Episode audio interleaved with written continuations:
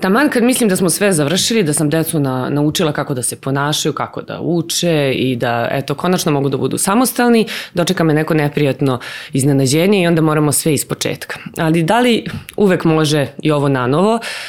Sa koliko godina može da se počne ponovo ili ovaj, nekad moramo da se pomirimo sa tim da deca nešto moraju i sama da nauče, da nije sve do nas roditelja. Um, ova, ali i slične teme uh, okupirat će nas danas u Mamazijani sa uh, našim dugo očekivanim gostima, moram to da kažem, jer se jurimo već mesecima.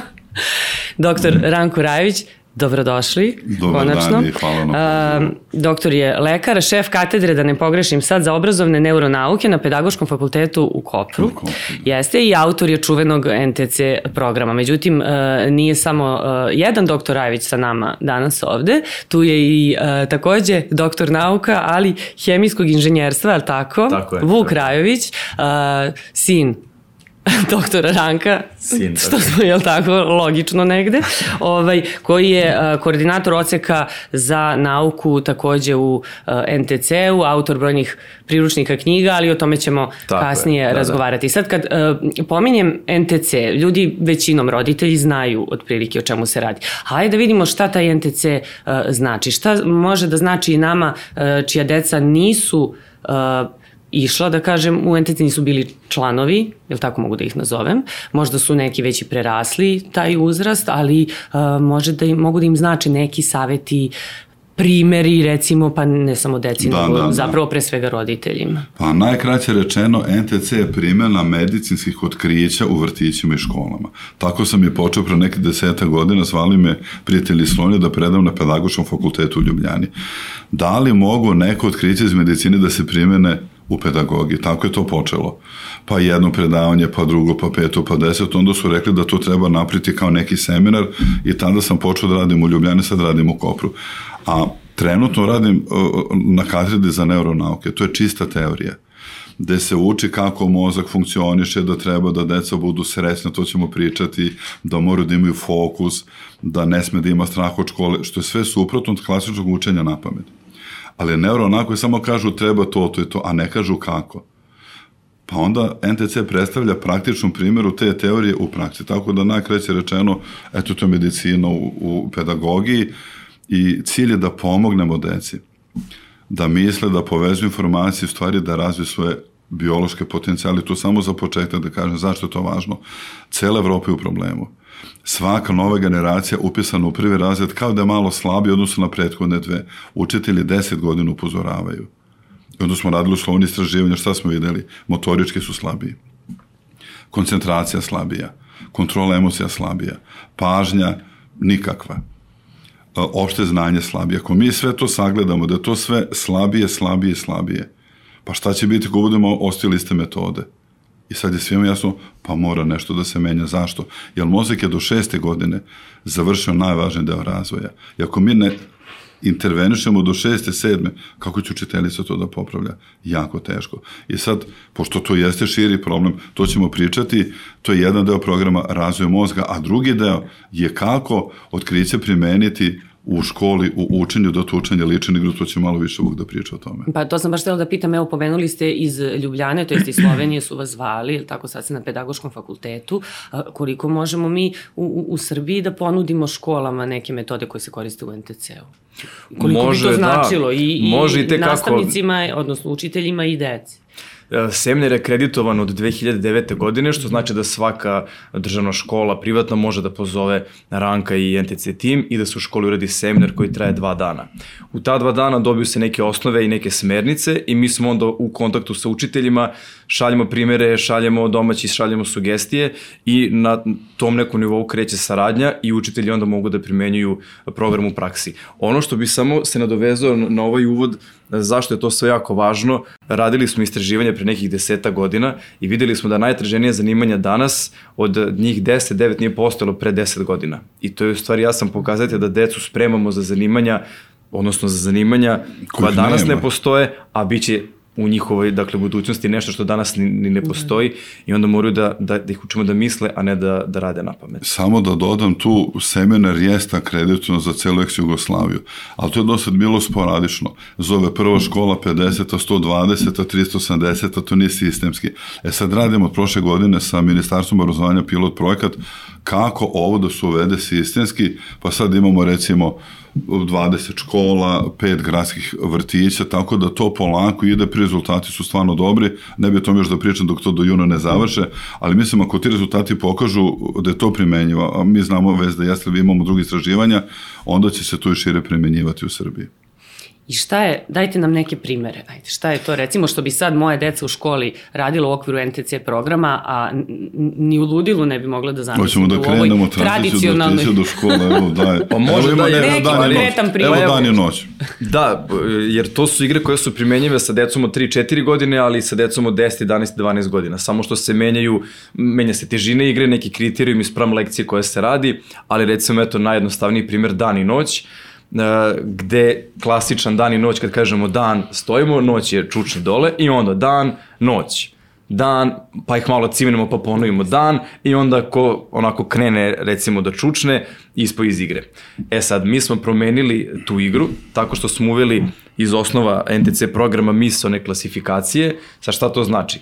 Da mi umesto dan i noć damo neku kategoriju. Na primer, domaće životinje su dan, divlje životinje su noć.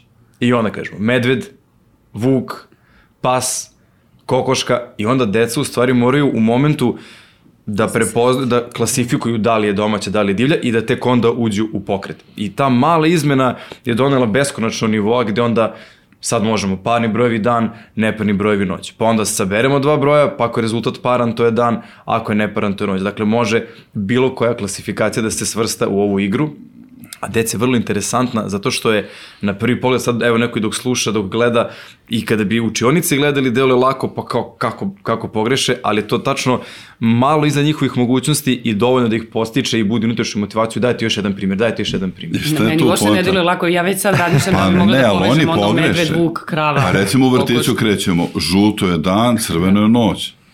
I mi kažemo sunce, limun, trešnja, višnja, banana i pogreše. I oni pitaju, može još jednom? Naravno. Još dva, još tri, još pet puta. Oni se smeju. Jer oni vide da je to lako, pogrešili su. I zapravo na taj način šta se aktivira? Pokret i misao zajedno. E to nedostaje u našim programima klasičnim u Evropi i kad oni to rade, urade recimo usput 30 čučnjeva. Kroz naš igru urade 30 skokova, 30 čučnjeva, 50 rotacija. Zašto je to važno? Ljudi ne shvataju još uvek koliko je kretanje dobro i to u stvari osnova razvoja mozga. Ja se sećam kad sam počinjao u Sloveniji pre deseta godina kako kretanje može biti važno za razvoj mozga.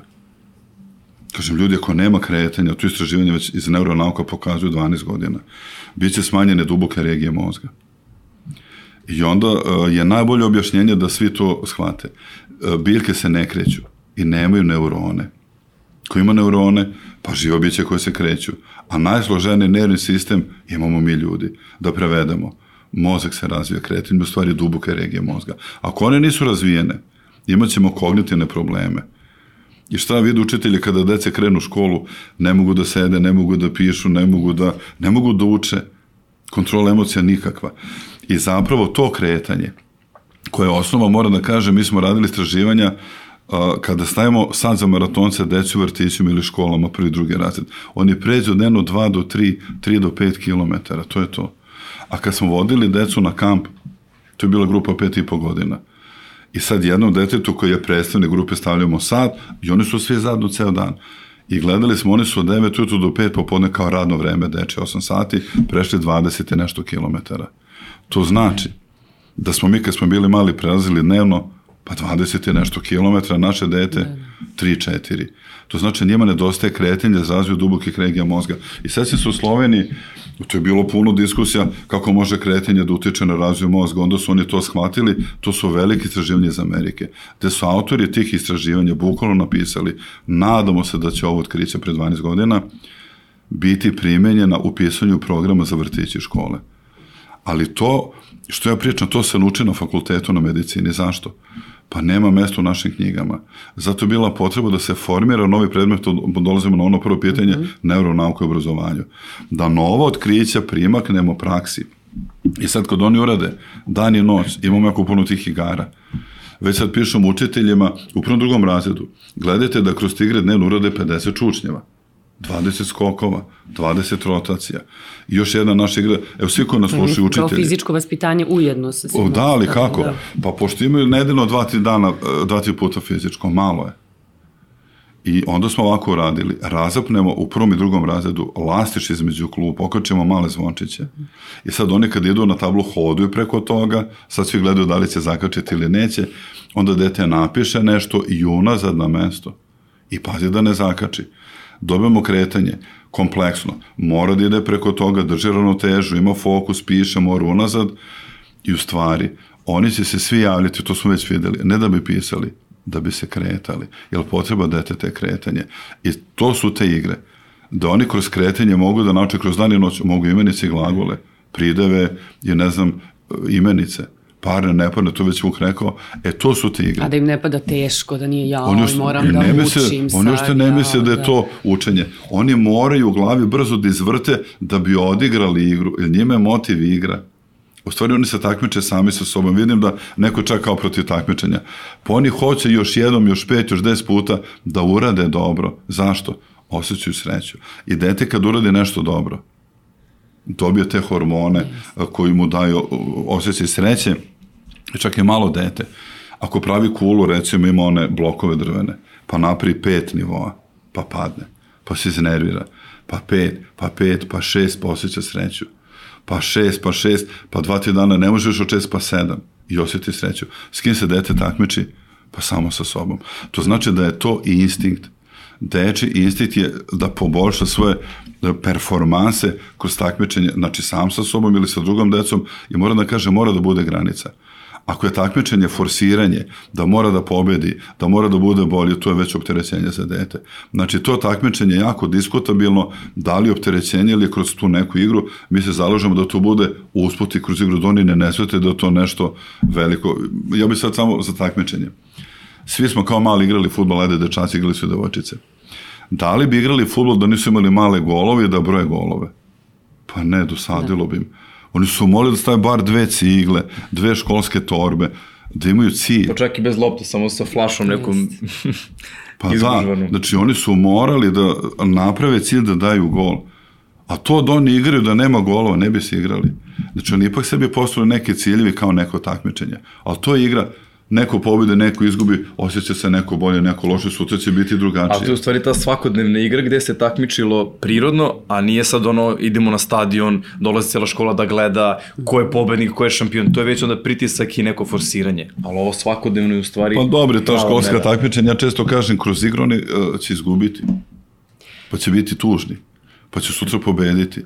Pa bolje to da se priprema za život, da izgubi, da pobedi, nego sutra da ga sačeka nešto. Kako i gubitak i, A, naravno, i dobitak. To je priprema da. za život. Nego ja sam htjela e, da vas pitam, evo to i privatno zanima nekima, da kažem, mame oko mene, to je roditelje. Um, Šta mislite o onim van nastavnim aktivnostima? Znači, ovo sad kad smo pominjali kretanje, pa fizička aktivnost, odnosno sport. Sad imamo gomilu tih sportića na koji idu deca sa dve, tri godine, pa onda imamo roditelje koji uh, malo i forsiraju decu, pa i u ovom takmičarskom smislu verovatno idu na, to ste vi pominjali više puta, na dva sporta, tri jezika. Objasnit ću da to Prosto, nije ovaj, dobro. Kad je, koja je, da kažem, najniža starostna granica da dete uopšte krene na neku aktivnost tog tipa, recimo sport, sport ili neki ples ili nešto tome slično i, i do koje mere treba i da, da ga forsiramo. Ja znam da roditelji često kažu bolje da ide nego da sedi, ne znam, za, ispred ekrana, sa telefonom, A što ispred ekrana? Bolje da sedi u sobi da Kao čita da su to te dve solucije, da, da, da, ili, znači ili, nema da. treći. Onda čita slikovnice ili knjige, da slaže Lego kocke, da, da pravi garažu od Lego kocki pa da parkera malo automobile. Yes. Znači, to su igre a ne kao TV. I onda ako dete vodimo na jednu, drugu, petu aktivnost, balet, košarka, engleski, francuski, ne znam više gde ih vode, dete nema vreme za sebe. I tu moramo objasniti, deče mozak radi drugačije. To su, to su teta talasi. Znači njihov mozak ima manju frekvenciju. A to je fiziološki normalno i važno da sve informacije primi i obradi. I često dam primjeri studentima, čerka mu je pisala, ona isto neurobiolog, ptica sleti na prozor. I deto dve, tri godine gleda u pticu. To je glavni događaj u tih sat vremena ili to prepodne. Ptica je sletela, pozobala pazar na dete, gleda tu pticu i ptica odletela. To za njih traje i traje i traje. Jer mozak radi drugačije. Zašto? Da primi informaciju, da mozak obrade da uskladišti. A za nas, ptica je sletela i odletela. I sad taj mozak koji mora da primi jednu, petu, pedestu informaciju, polako da obradi. Odjednom ide na dve, tri aktivnosti, ide na balet, ide na košarku, mora da uči jezik, ponovlja reči, gde je njegovo detinstvo. Znači, roditelji moraju tu malo da se zustave. Kao da će ga pripremiti bolje za život. Neće. Najbolja priprema je obična igra. Da se oni sami igraju. Ali tu, nažalost, vidim, parkovi su nam prazni. I svaki roditelj neka pogleda. U parkovima vidim roditelje sa decom Znači, parkovi su puni, roditelji dođu, to je dete dve, tri godine, četiri. Starije dece, redko da ih ima. Nekad su bili puni parkovi, sad da se zapetamo, pa gde su na deca? Sede, gledaju TV ili idu na sto aktivnosti. Mora tu da se radi te edukacija roditelja, da će dete najbolje da se razvije u svojoj sobi, slikovnice, knjige, neki, jel voli dinosauruse, kupite mu slikovnice ili knjige dinosaurus. Ja bih dao samo savet da ljudi shvate šta je igračka mi smo nekad imali veliki praznik, veliki poklon. Pa su tu bile recimo salvete, kada mame i tata dođu s puta, pa onda pokloni za rođendan, pa šta su dečaci se ukupljali, klikere ili sličice. Toga više nema. Ja se sećam kad sam pričao da su klikeri dobri. Mislim, dobri. Za nas su bili, imamo 10-20 klikera, bili su skupi. Igramo ja moram u glavi da vrtim da li imam žuti, plavi u džepu, sam izgubio odno, ja to sve vrtim po glavi 2-3 sata. U sto čučnjava, rotacija, gurnemo se, padnemo, akomodacija, okafijana motorika i mislimo. I sećam se jedna baka me videla u Novom Sadu, ja, doktor, bila sam na vašem predavanju pre neki dan, pa je odmah kupila 100 klikera. Pitam zašto? Pa vi ste rekli da su dobri. Pa nije dobro 100 klikera. Pa će druga baka onda da kupi još 100. Onda dete dobije kantu sa 200 klikera. Neće se ni igrati sa njima. Znači, igračka vredi onoliko koliko su je čekali a ne da im dajemo igračke, da im obezbeđujemo sve što požele, ne ide to. Jedno za drugom. Pa mora dete da čeka to je možda važan savjet sad u, u, u vodnom prvom delu. Roditelji nučite dete da čeka, da bude strpljivo. Tuvuk može sad da kaže da nema da da mraze, treba ga izmisliti. Jer deca stalno traže hoće to, hoće to, hoće to. I sad neki roditelji kupuju i tako pokazuju ljubav. Nije to ljubav. Ispunjavanje želja detetu nije ljubav. Mi njega moramo da spremimo za život. Moraju da čekaju. Ako ih mi to ne naučimo, oni sve požele, kada požele, hoće odmah da dobiju. I ako sutra to ne može, šta će biti? Pa frustracija visoka, a pravo tolerancije više ne postoji. Pa da, to je kao neko odlaganje zadovoljstva, u stvari, evo, to što si yes. rekao za, za novu godinu, mlađi sin Vidak, i sad idemo u neki tržni centar i tu sada raznih igračaka. Dve godine ima vidio. Dve godine, da. I sad onda trčava do dela gde su autići. I onako oči zinu i kao, hoću ove, tata, hoću ove autići. I sad ja sve ovo i radimo zajedno i pratim i, i znam šta je dobro u tom periodu i kažem, dobro, možemo da ih gledamo, ali ćemo da vidimo da pišemo Deda Mrazu posle, onda za te. On ih drži, drži dve minute i samo hoću ove, hoću Aha, ove. ipak ove druge. I znači da, da. pola sata hvatanja, jer ne znaju šta hoće, sve mu je lepo, sve mu je šareno. Ono što je problem verovatno, jer su sve te igračke postale jeftine danas u odnosu na pre 20-30 godina. Sad autić mali 100 dinara, kesa autića. A i daleko je veći izbor nego što je bio kad smo veći izbor. ja dete. Ba. I ja dođem u situaciju da. gde on plače i mi se treba da krenemo, on neće da krene. Uh mhm. -huh mi smo pola sata tu proveli i onda idemo, ja ne znam, vadim telefon kao sve ću da slikam, da šaljem mail, da dam raz, mm -hmm. šta, sve što mogu, ali znam da neću da mu kupim. I sad to možda delo onako surovo, ali u stvari dubinski znam da je to dobro za njega, jer nakon 10 dana, kad je dobio jedan auto za novu godinu, on ga dan danas drži na ruki, rukici, da on ga dočekao i sad igra se s njim i kad mu padne ispod tepih ide po metu da vadi ispod, ispod kreveta, dakle drži ga, čuva ga, a da sam mu kupio i tada tih pet, pa i sutra još pet, imao bi već 50 autića s kojima ne bi znao šta da radi. Da li on sad posjeduje vrednost? Tako. Apsolutno. Pa ja bi to, mame svake, svaka, svaka mama će to znati. Nekad su salvete bile hit. I to je bila za devojčice, ja za animacija, mm. ako nije broj jedan, broj dva. A šta se tu dešavalo? tata, mama idu na put ili bake, deda, da donesu bar dve salvete. Sad svaka se seti ne jednu, nego dve. Zašto dve? Da bi se menjale. I sad dolazi dve. I u tom iščekivanju tu se aktivira dopamin, to je fokus. A to su zapravo ja kažem hormoni, mada to nisu hormoni, hormoni pamćenja. Dopamin, endorfin i sad tu kreće, dobili su salvetu, onda gledaju za svaku salvetu da očice znala. Velika, mala, tanka, debela, jedan sloj, dva sloja, tri sloja, četiri sloja. Znaju, kad je opepaju teksturu, znaju iz kojeg uh, grada, koji hotel, koja država, koja šara, otprilike deset karakteristika za svaku salvetu u glavi, pa puta sto salveta. A zašto su devojčice znale svaku salvetu? Pa svako su čekale po mesec, dva i ta ima vrednost salveta. I neka svaka mama pomisli, uzmete kutiju od 200 probranih najboljih salveta koju ste čuvale 20 godina i poklanjate detetu, recimo, čerka 5-6 godina. Pitanje za sve mame, a šta će čerka da radi sad sa tom kutijom?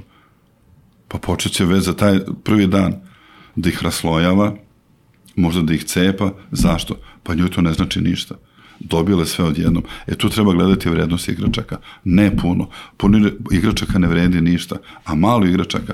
Dete aktivira mislone procese, sad smo rekli deset karakteristike za salvetu, pa se menja ova vredi kao dve ove, ova nova vredi kao tri neke druge. Tu su misloni procesi koji iziskivalo finu motoriku, prevrtanje, preslaganje, onda recimo zamenjanje, znači ide se po pola sata na neki drugi, treći ćošak da se menjaju, mi smo tako isto i klikere to su igre kojih više nema.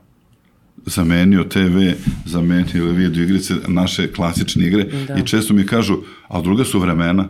Da, sad je sve jeste, cyber, virtualno. Ali mozak da. ima obrazce razvoja.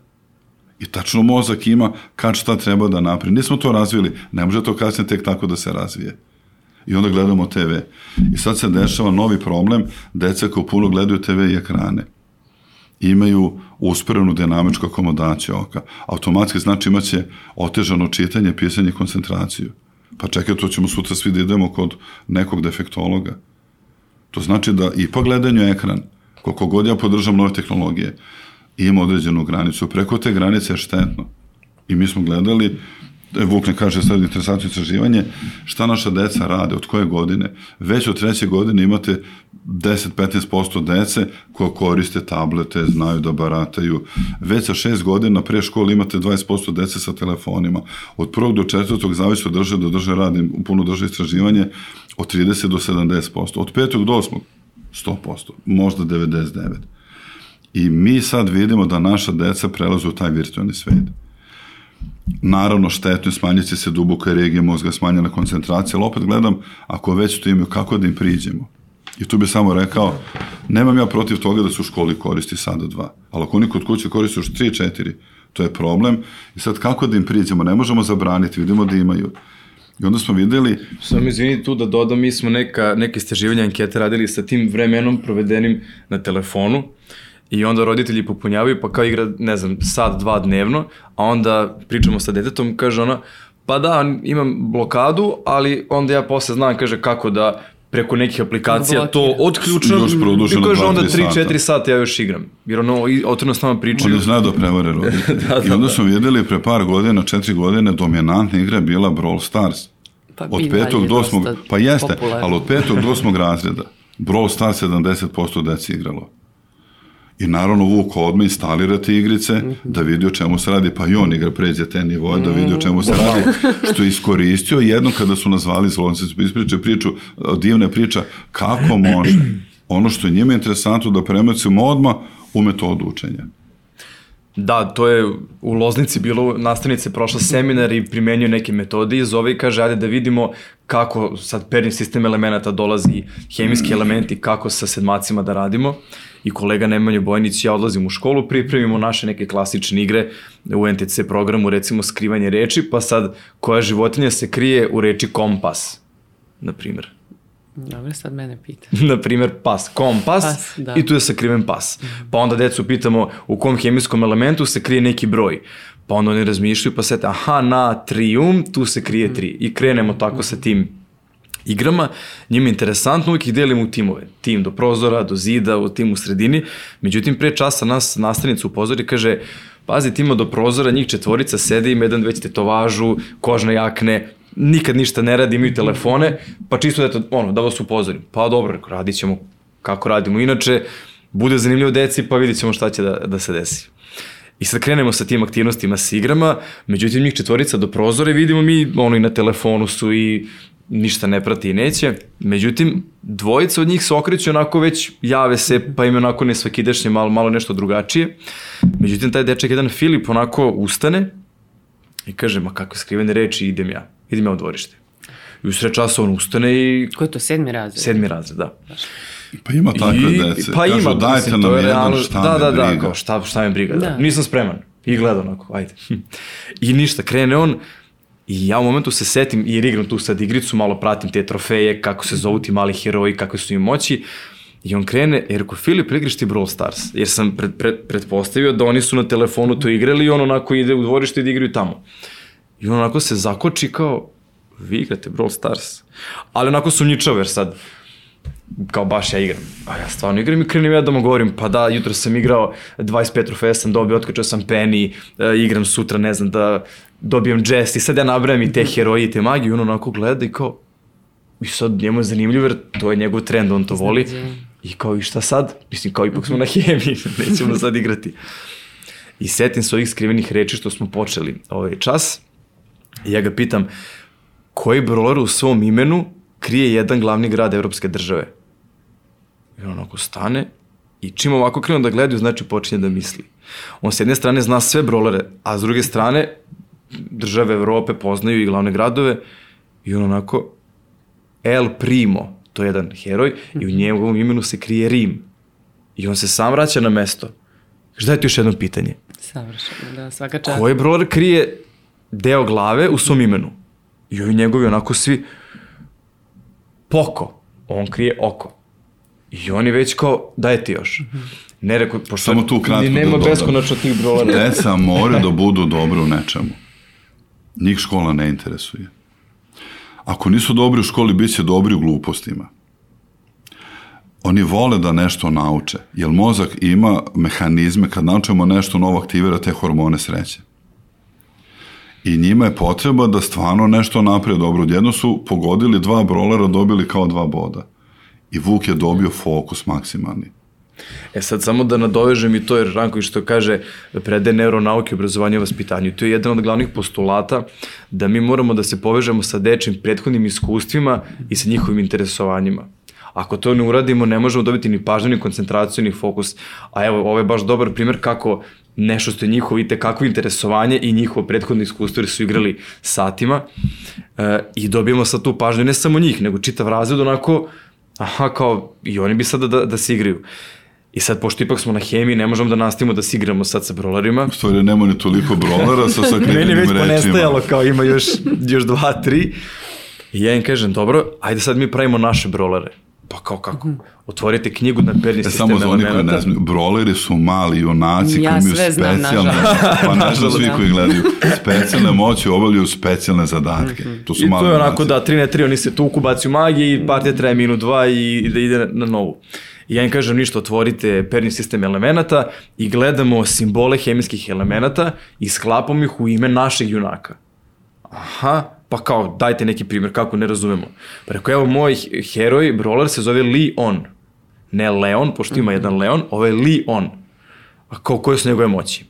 Pa rekao, Li, on mi u litijum, od njega se recimo prave baterije, tako da on na leđima ima veliki ranac sa baterijama i može da ide 100 na sat bez, bez da se umori. O je kiseonik, ima masku s kiseonikom da protrči recimo kroz vodu, a N, to nek nam asocijacija bude tečni azot na minus 196 stepeni, kogod mu priđe, on ga zaledi. O, kako, kako se setili toga? Pa u knjizi imate gde se element primenjuje, koje su mu, koje su mu svojstva i to sam iskoristio da budu magije. I u tom momentu oni svi, Ekspanzija. oni se otimaju za knjigu za perni sistem. Ova četvorica sede ovako, kaže nemamo, nemamo, pe, nemamo knjigu, No, nemamo, oni nemaju ni torbu. torbu, ni knjige, ni sveske, nemaju ništa, samo I telefon. oni nastavnice, im treba. molim vas nastavnice dajte na knjige. Ona žena onako, naravno srećna, U iz, iz ormara vadi knjigu, perni sistem, daje njima, Oni rade, rade, dodaju, oni su tako par minuta jednog brolera napred, smeju se, gledaju perni sistem, hemijske simbole i onda oni sami pitaju, a gde ovo MG, gde ono može da se primeni, jer su ga negdje uklopili u ime i onda i mi pomažemo i dajemo im još neke ideje. Zvoni za kraj časa. Napravili su recimo 3-4 brolera. A reci ko, ja bi baš to rekao, su ta četvorica prva napravila brolere koji se zove AU AG, jer su hteli prvi da naprave, da bih Vuk pohvalio. Jer su oni već znali AU je aurum zlato, Da. a G je srebro. I kaže imamo mi AU AG. I da objašnjenje, AU ima zlatni štit, što god ide na njega završi na štitu. AG argentum ima srebrni metak probizije do 2 metra. Jer su oni hteli da dobiju pohvalu, vole deca da ih pohvalimo. Ali ti si došao na njihovu teritoriju. Pa, tu se oni, oni to je- tu ali- plivaju i oni su hteli da se šta je pokažu. tu? Da se Meni pokažu. kao sad, neko ko to prede, gledam, devojčice koje ne igraju Brawl Stars. Ne znaju svi Brawl Stars. A njima se dopali da je mali junaci, kao romantično. I one naprave brolera, koji se zove Bagne. I sad kad su meni prepričavali, B je Bor. Ima Goras ima. Aga Argentum ima pištolj srebrni, šta radi? Ispalju orahe da hrani veverice. A šta je ne, pa premazan je na onom ako veverica ne nađe kad padnu u travu po mraku da ih vidi. Ja. Znači, to Koja bol. mašta, ali Da, nije ono zamrzavanje i zvoni za kraj časa, sad ti si bio ispričao, Da. to je još bolje kad je zvonilo za kraj časa. Pa da, i to je negde što se uvek ponavlja kad se stvarno, kada liči učenje na igru. Zvoni za kraj časa za veliki odmor, ne za mali, za veliki odmor. I to je po pravilu deca ustaju i kao ispaljeni strčavaju u dvorište. Zvoni i oni onako pogledaju, e, možemo još da ostanemo na odmoru, da završimo, da, jer su oni onda i crtali te svoje mali junake. Ajde, ostanite na odmoru. Zvoni za početak narednog časa. Nastavnice, molim vas, možete da kažete nastavniku fizike da ne idemo na fiziku, da radimo još hemiju 45 minuta. I ona žena kao, pa ajde ode kod profesora, on kao, nije problem. Oni su sat i po vremena plus odmor radili, radili, a šta, šta su u stvari radili? Periodni sistem elemenata, hemijske simbole, čak smo onda davali neke različite zadatke po grupama, recimo grupa do prozora, vi pravite brolere, ali smete da koristite atome od 1 do 50 atomske mase. Aha, zašto? Šta je atomska masa? Pa onda objasnim atomsku masu, pa sabiranje atoma, odnosno njihova masa šta daje i oni kroz igru nauče sve osnove periodnog sistema elemenata, kako da ga čitaju, šta koji deo znači. I ono što je najzanimljivije, to je bilo četvrtak, zvoni za kraj i oni kao, pa idemo i šta sad? Rekao, možete se igrati kod kuće, napravite vaše junake, donesite utorak. I nas nastavnica utorak zove, kaže, doneli su preko 30 brolera, 10 su i nacrtali i doneli. I u stvari nisu im ni rekli domaći je to ponoviti perni sistem. Ako hoćete, vi se igrite. Pošto to ličilo na igru, oni su išli kući i preko vikenda to I naravno radili. sad je pitanje da li su, da još je bila grupa atomskih brojevi od 1 do 50, od 51 do 100, bilo isto, možete kao rezervu. Vi radite prva, druga, treća grupa elemenata, vi četvrta, peta, šesta, vi šesta, sedma, osma. I sad, utro kad su došli, i svako ko to gleda, da li su naučili šta su grupe? Jesu. Šta atomski broj? Jesu. Jesu naučili imena glavnih elemenata? Jesu. Gde se nalaze u prirodi? Naučili su. A gde se koriste u industriji? Jesu. A šta je suprotno? Sad ću ispričati malo karikiram kako bi izgledalo klasično predavanje periodni sistem elemenata prva grupa. Prva grupa hemijskih elemenata, to su metali. Imaju jedan elektron u spolješnjem omotaču koji se lako otpušta, jer je taj atom nestabilan i kad ga otpusta, oni su pozitivno reklisani, to je jednoval, jednovalentni plus. Da li bi to neko slušao? O, da, znači Oni, I samo onda bi igraju video igrice. Naravno. Pa čekajte, vidimo da oni ne mogu da nauče. Pa dajte da malo to približimo. A što ovde je poenta? Ne da nauče, to je predem, razumeju. nego da razmišljaju. A kad razmišljaju, onda je nauči ra- razume. A kad uče na pamet, zaborave. I poenta jeste neuronauka, da pokrenemo misleni proces kroz metode koje liče na igru. Ovo je recimo tipičan primer, jedna od naših metoda učenje kroz igru. Jesi govorio kao učenje kroz igru? Pa evo je primer. I recimo zbog ovog primjera su nazvali sad iz Kanade i Amerike. Jer da. po to predem ne, nema tih metoda u svetu. A mi sad pokušamo preko pilot projekta ministarstva da što više tih igara uvedemo. Ne znam koliko ima vremena da još par primjera kaže ako neko gleda da može odmah to i da primeni i u vrtiću ja bih samo ovde dodao za, za ovo, Uh, ima jedno istraživanje iz Švedske urađeno pre 30 čak godina, mm. gde je pokazano da učenici imaju svega 10% vremena od časa za svoje ideje, za komunikaciju, za priču, za diskusiju, a učitelj 90% vremena.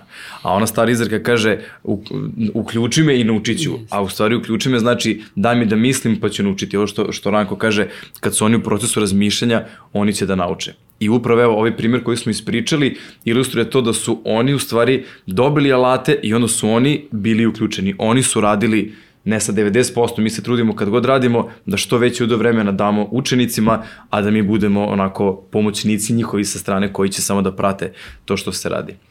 I negde jeste cilj svake igre koju radimo i u vrtiću i u školi, da deca na kraju sama prave primere i postavljaju jedni drugima i jedni druge da kontrolišu. Pa bilo je komičnih situacija u ovom projektu ministarstva u jednoj školi da zvoni za kraj časa Jer uvek kada jedna ekipa izađe kod table da prezentuje šta su uradili, zadatak je da druge ekipe njih kontrolišu. Ne ja, da kažem je dobra asocijacija, dobra skrivena reč, dobra šifra, ne, nego drugi će ih kontrolisati. I tako ceo razred prati i svi su uključeni. I zvoni za kraj časa i dotrčavaju učenici iz drugih grupa sa knjigama, ovo nije u redu, e, Vuk ne živi u pećinama nego stepom, znači oni su čitali, gledali, bavili se lekcijom da bi se u stvari Da bi igrali, mogli da kontrolišu da i da ocene. Da bi mogli da kontrolišu, da. Tako da je to uključivanje. Htela sam da vas pitam, možda zanima većinu roditelja, uključujući i mene.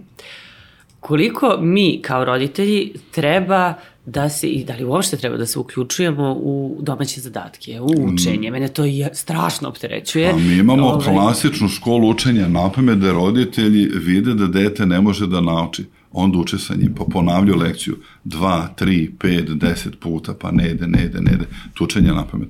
Ako koristimo druge metode, oni nauče sve u školi. Lakše nauče na ovaj način nego da uče na pamet. Jer učenje na pamet u mozgu ne aktivira skoro ništa.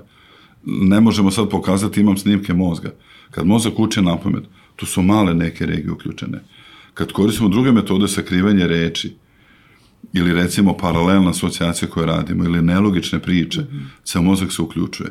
I onda kad one tu u školi rade, sad ću dati par primara, evo iz biologije, pa ti možeš, šta se radi geografiju u pilot projektu ministarstva.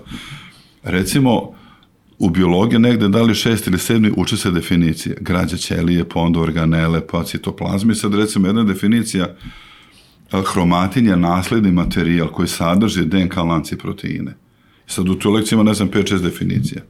Dete dođe kući.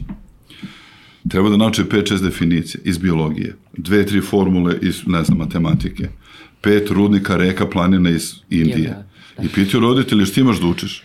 Većina dece kaže, nemam ništa. Nije, oni neće, da dižu, dižu ruke od škole. Kako da mi ja tu biologiju uradim? Pa opet kroz igru. I mi smo koristili sećam kad smo radili, to je mali jedan daroviti učenik, kaže dajte me nešto teško. On je četvrti razred.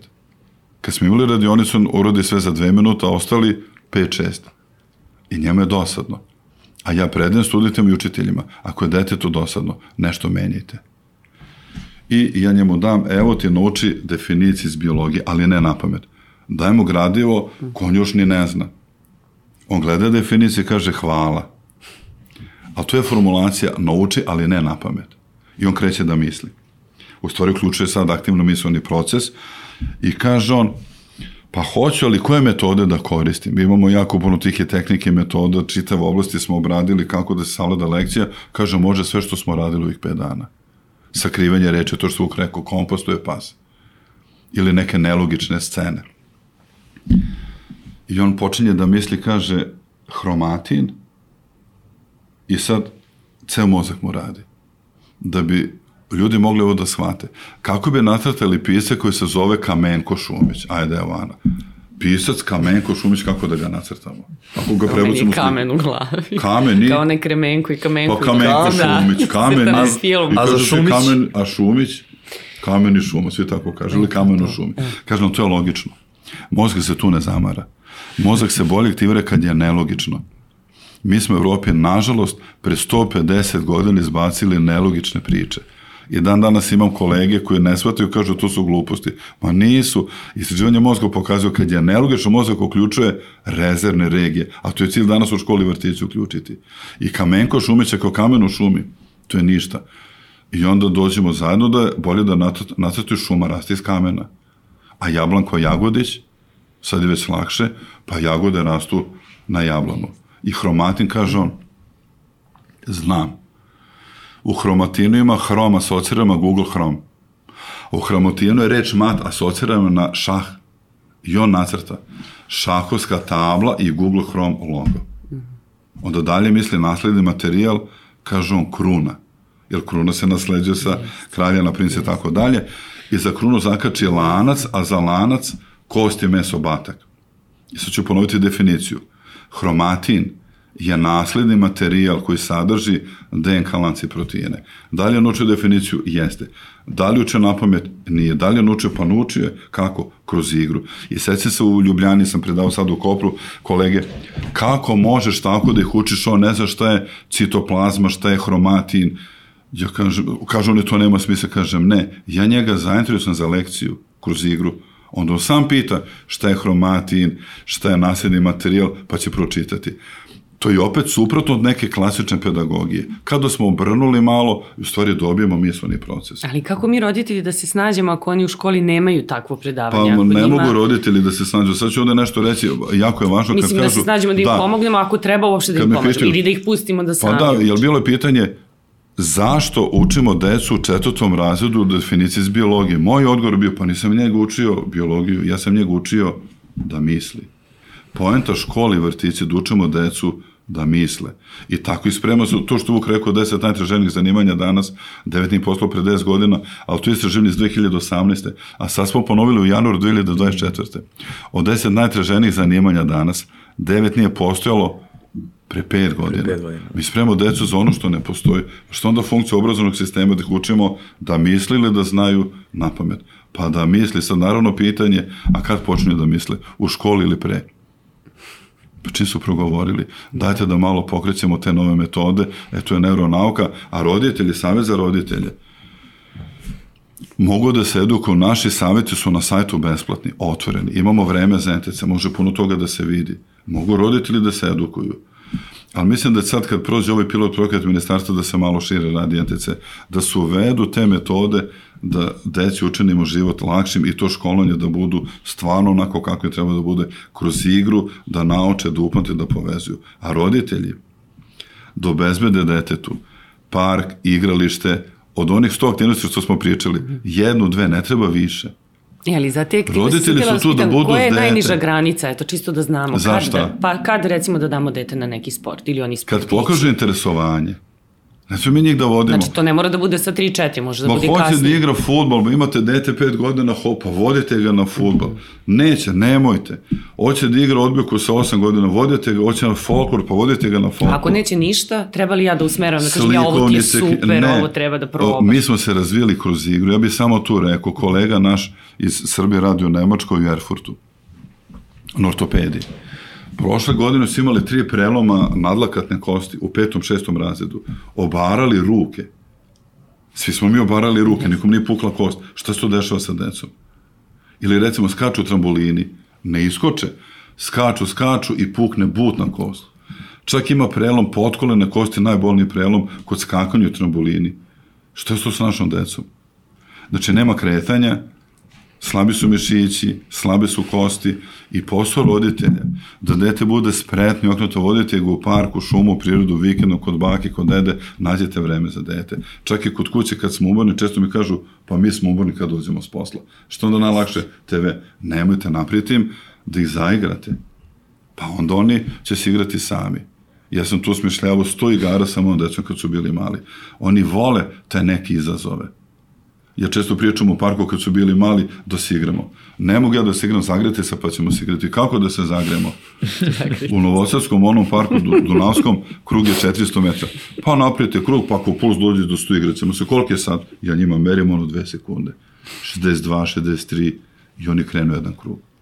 Ja merim puls 66, 77. Jel možemo još jedan? Ma može. Trčali su, ja ne znam koliko krugova posle nekih sat vremena, posle ne znam koliko kruga dotrčavaju, jedva hodaju. Mm -hmm.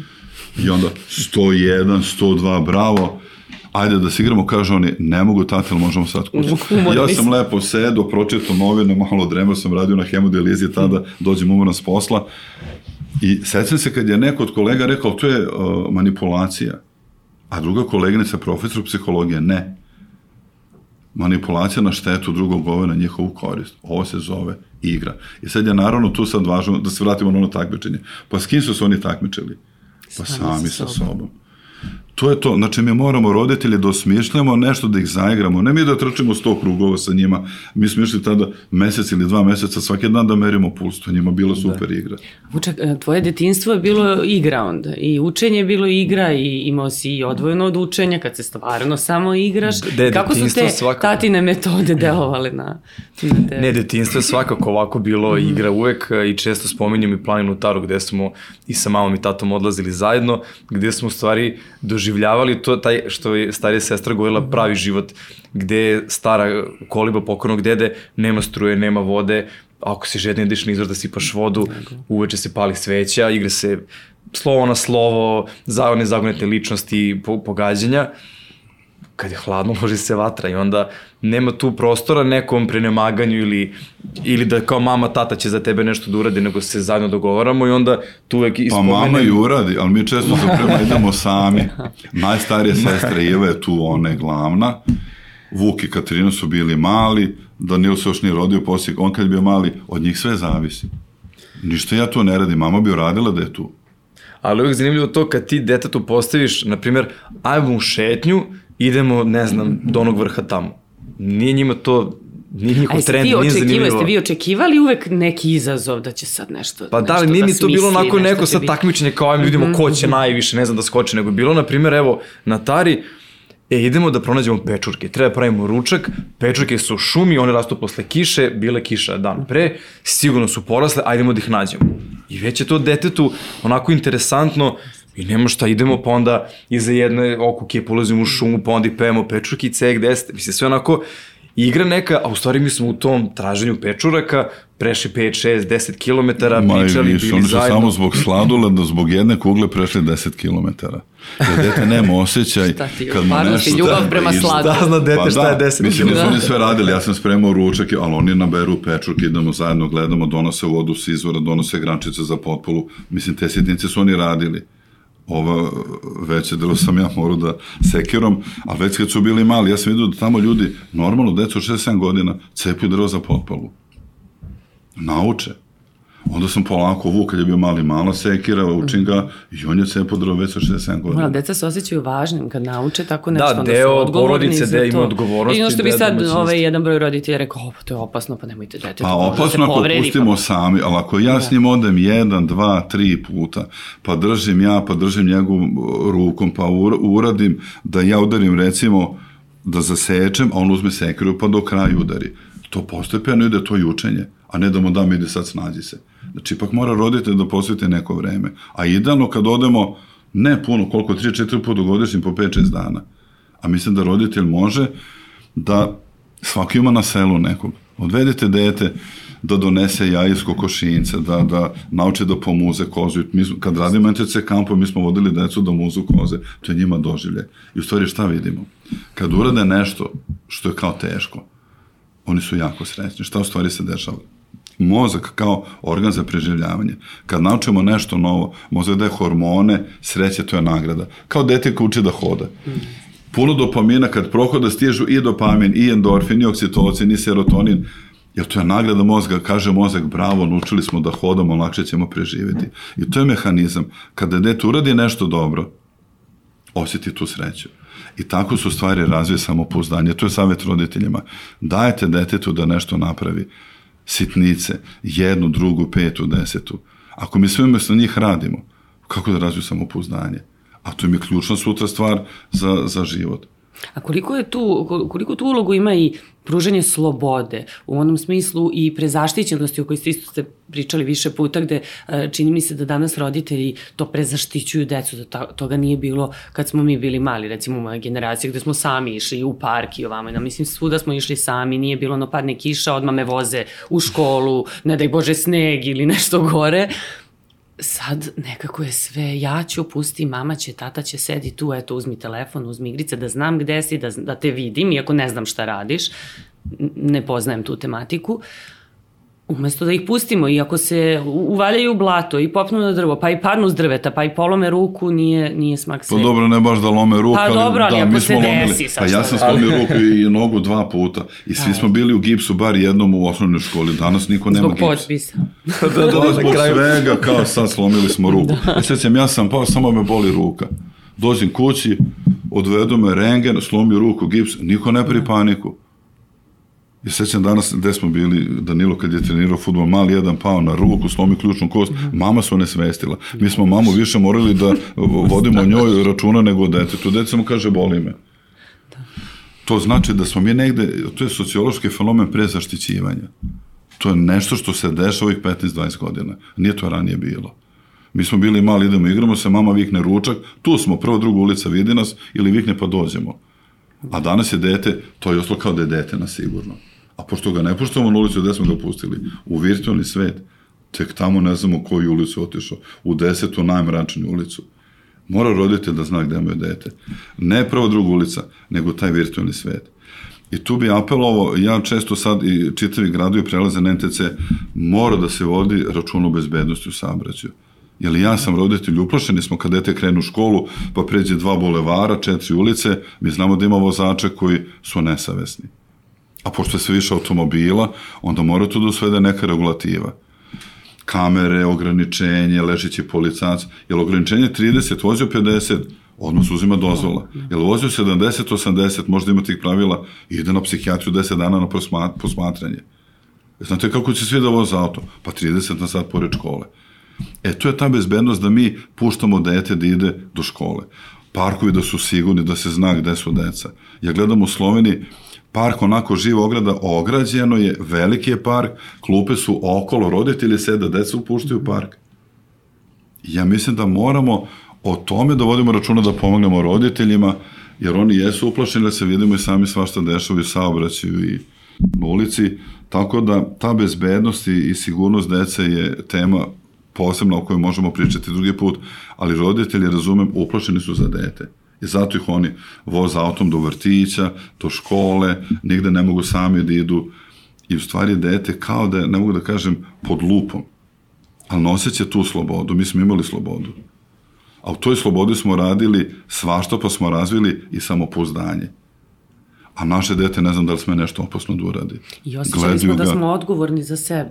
Mislim, ako ja sad idem sama u muzičku školu je. koja je deset ulica, no idem peške, sad možda se negde i uplaši, možda padne mrak, možda ne znam, pa, vidim nekog ko mi je pa strašno. Dvoje, troje I dece, idem sa drugaricom, je. jeste, ali uvek nekako smo sami, oslonjeni smo jedni na druge, nema tu sad mame i tate da nas Da, proživiš i sve emocije i sve, yes. sve Ali uvek je opravdanje, a sad su druga vremena. Druga, pa uvek su pa, neka druga vremena. vremena. Mozak ima obrasce razvoja i sad ta druga vremena, recimo do škole nazad, nije to samo hodanje, mi smo se igrali, kad završi škola, To je najslađe tih pola sata. Ili klikeri, ili futbol, ili lastiš. To je bila igra. I onda idemo kući. I niko nije pravio problem od toga. A mi sad imamo, bukvalno dete ima telefon, onaj GPS, GPS lokator GPS, gde se nalazi, evo skrenuo s puta, zovemo. Mislim, mi smo se pretvorili, ne znam ni ko reč da upotrebim. Nadzornici. Nadzornici špijuni. Nadzorni, špijuni, pa nema špijuni, teško. Znači, dete ne može da mrdne nigde. A to Kako čak da ide dotle gde recimo, kada dete ide u vrtić, pa onda roditeljima stigne ono meni, odnosno ne meni, nego šta je, je te jelovnik, nedelje jelovnik, jelov, da. da, da. I onda dete dođe kući, pa ne znam, sprema se ručak, e, pa šta si jeo danas, pa onda ako dete ne odgovori, pa su bile danas ćufte. Znači, dete već i u tom, a Stalno ga ispituš. A ne, roditelj pročita i zna šta je u vrtiću, već dete, mislim, u tom momentu dete shvata da roditelj zna i šta je imao da jede i šta je nekako previše ništa se od mene ne možeš da sakriješ. Da, ne možeš ništa da sakriješ. da saznam. To, da, da, da, pa sve znam. Nije to dobro. Da. Pa nek samo sa, sebe svako vrati u detinjstvu da naša mama ili tata sve znali šta radimo, s kim smo, šta pričamo, šta smo jeli. Nije to u redu. Dete mora da ima slobodu i taj neki širi krug bezbednosti, to mi roditelji postavljamo. Može da radi šta hoće u nekim granicama, ali da baš nadziramo svaki sekund, svaki metar kretanja, to nije u redu. Još jednu stvar sam primetila, dosada. Ja se ne sećam da je nama bilo toliko dosadno. Evo, ja sam bila nedavno s decom na moru i sad moj sin čeka 12 godina, čeka nekog drugara, on kasni, nema ga se prolazi 5 minuta, 10 minuta, ja tu sedim u kafiću sa drugaricom, čerkica se tu nešto igra, ono, Uf, ja sam već kređiva gorio. da cupka. Dosadno mi je šta sad, a ostavio je telefon kod kuće, to je sad problem, pošto su kao planirali negde da idu. Ja kad čujem dosadno mi je, znači meni se ispravi ova E, pa to je sad na još glavi. jedan važan I Ja sad savjet. kažem, na moru si, plaža, otvoren ne prostor, vredi. Njihov lepo mozak vreme. nije naučen. Jer mozak mora sve da nauči. Kad sam rekao da naučimo dete da čeka, evo ga drugi savjet, pustite decu da, decu da im bude dosadno. Zašto?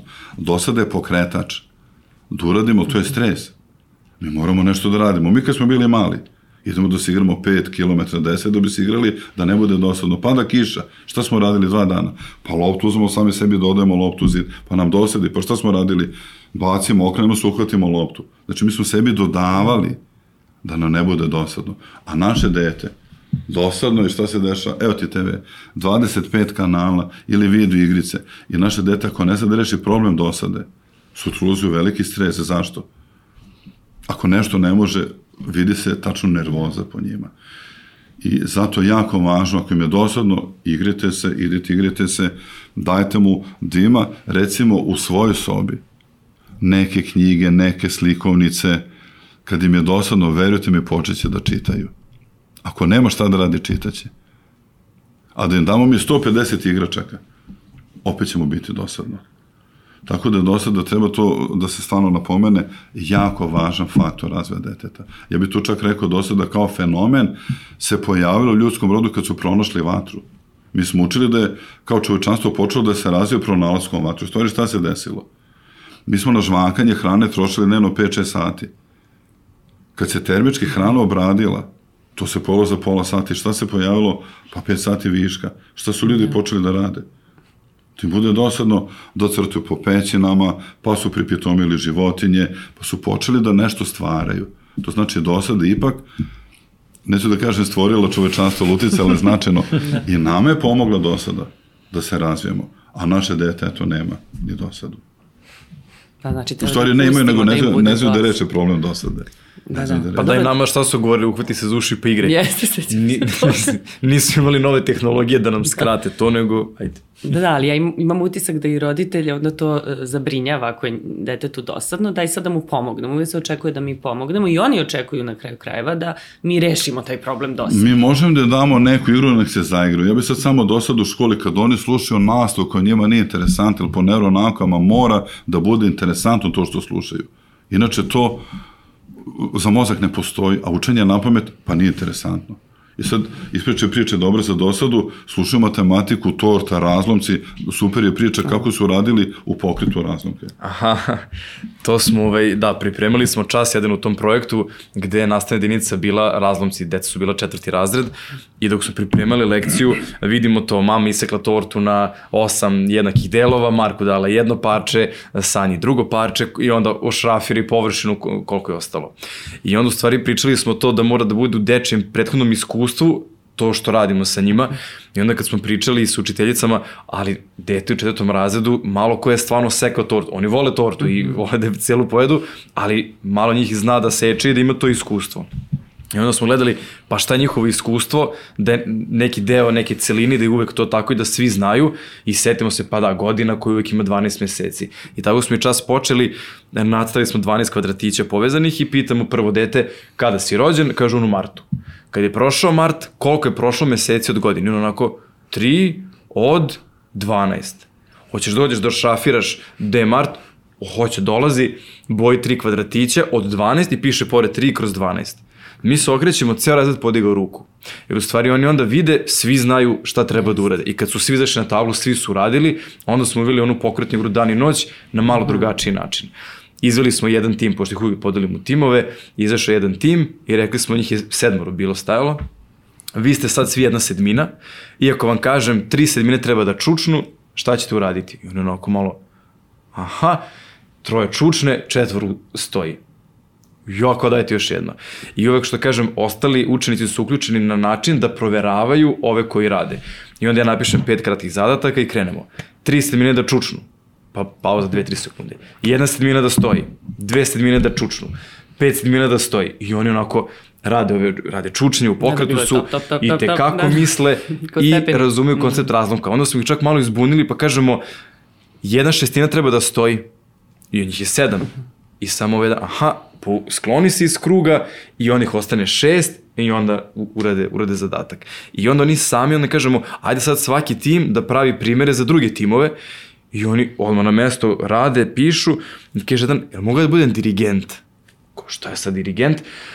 pa da ja šetam oko, oko grupe i da dodinem na, po ramenu onoga ko treba da iskoordiniše sve šta treba da uradi. Jer kad kažemo tri šestine da čučnu, niko nije vođe igre, nego onako čučnu ustanu i onda se da. pojavi uloga dirigenta inicirana od strane učenika i to je u stvari ono pravo, da oni u tom stvaralačkom procesu dobiju nove ideje i modifikuju igru sprem svojih sposobnosti. Da, da, na praktičan način kroz igru stvarno naučili razlomke i oni će Absolutno, doživotno taj, verovatno razumeti razlomke za, za razliku da. od većine Ali drugi. to je suština. Ja na fakultetu, kad predajem teoriju, ja ne bi ovo mogao da osmislim nikad.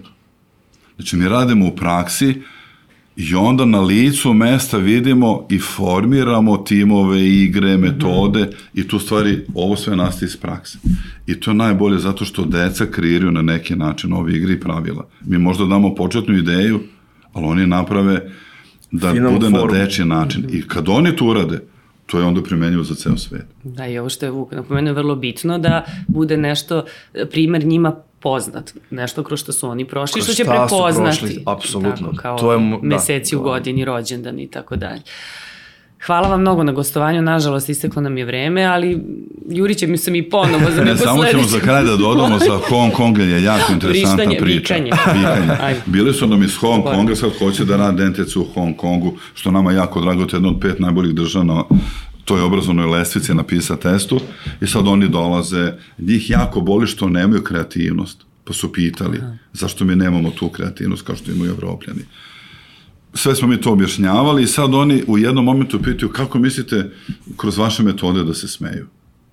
I sad mi se onako pogledamo, pa recimo razlomci, dan i noć, ako -huh. pogrešu, oni se smeju. Pa da li to je škola, zašto se smeju?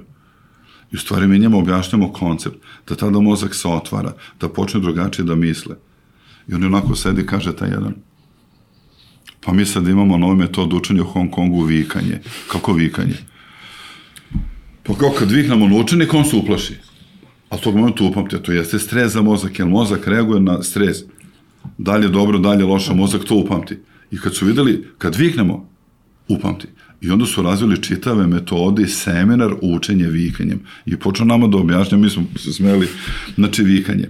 Da li viče jako ili e, niži ton, mhm. viši ton, da li gleda u oči učenika u drugi deo tela, kako ruke stavi, kako viče na dečake, kako na devo, ima seminar učenja vikanja. Da. Mi onako se smemo, ja Bože, dajte ukidajte to. Da. Mislim da ćemo iskoristiti u Hong Kong. ali da li to morate, ali, ali to su, da oni su bili Ali oni vide da to pomogne da nauče, ali kažem, nije pojenta da nauči kroz stres, treba da nauči kroz igru, ta dosta je to znanje bolje. Ali vidi oni da nije u redu ta izuzetna kompetitivnost razvijena kod njih i to takmičarski, da dete mora da bude najbolje, da ima najviše bodova i imaju problem sa tim. I kad Tako nije, da je, onda, onda je propast. Pa da, tu se vidi taj ekstremni dobri, drugi kraj tog. Pritiskati dete dete da. previše, da. pričali smo o onom takmičenju, može do neke mere kroz igru, a da ih previše pritiskamo i da to takmičenje bude borba za život i smrt, to nikako. Mm. To ne sme da se radi. I oni su svesni da nešto treba da se menja, da. zato su bili kod nas u Srbiji.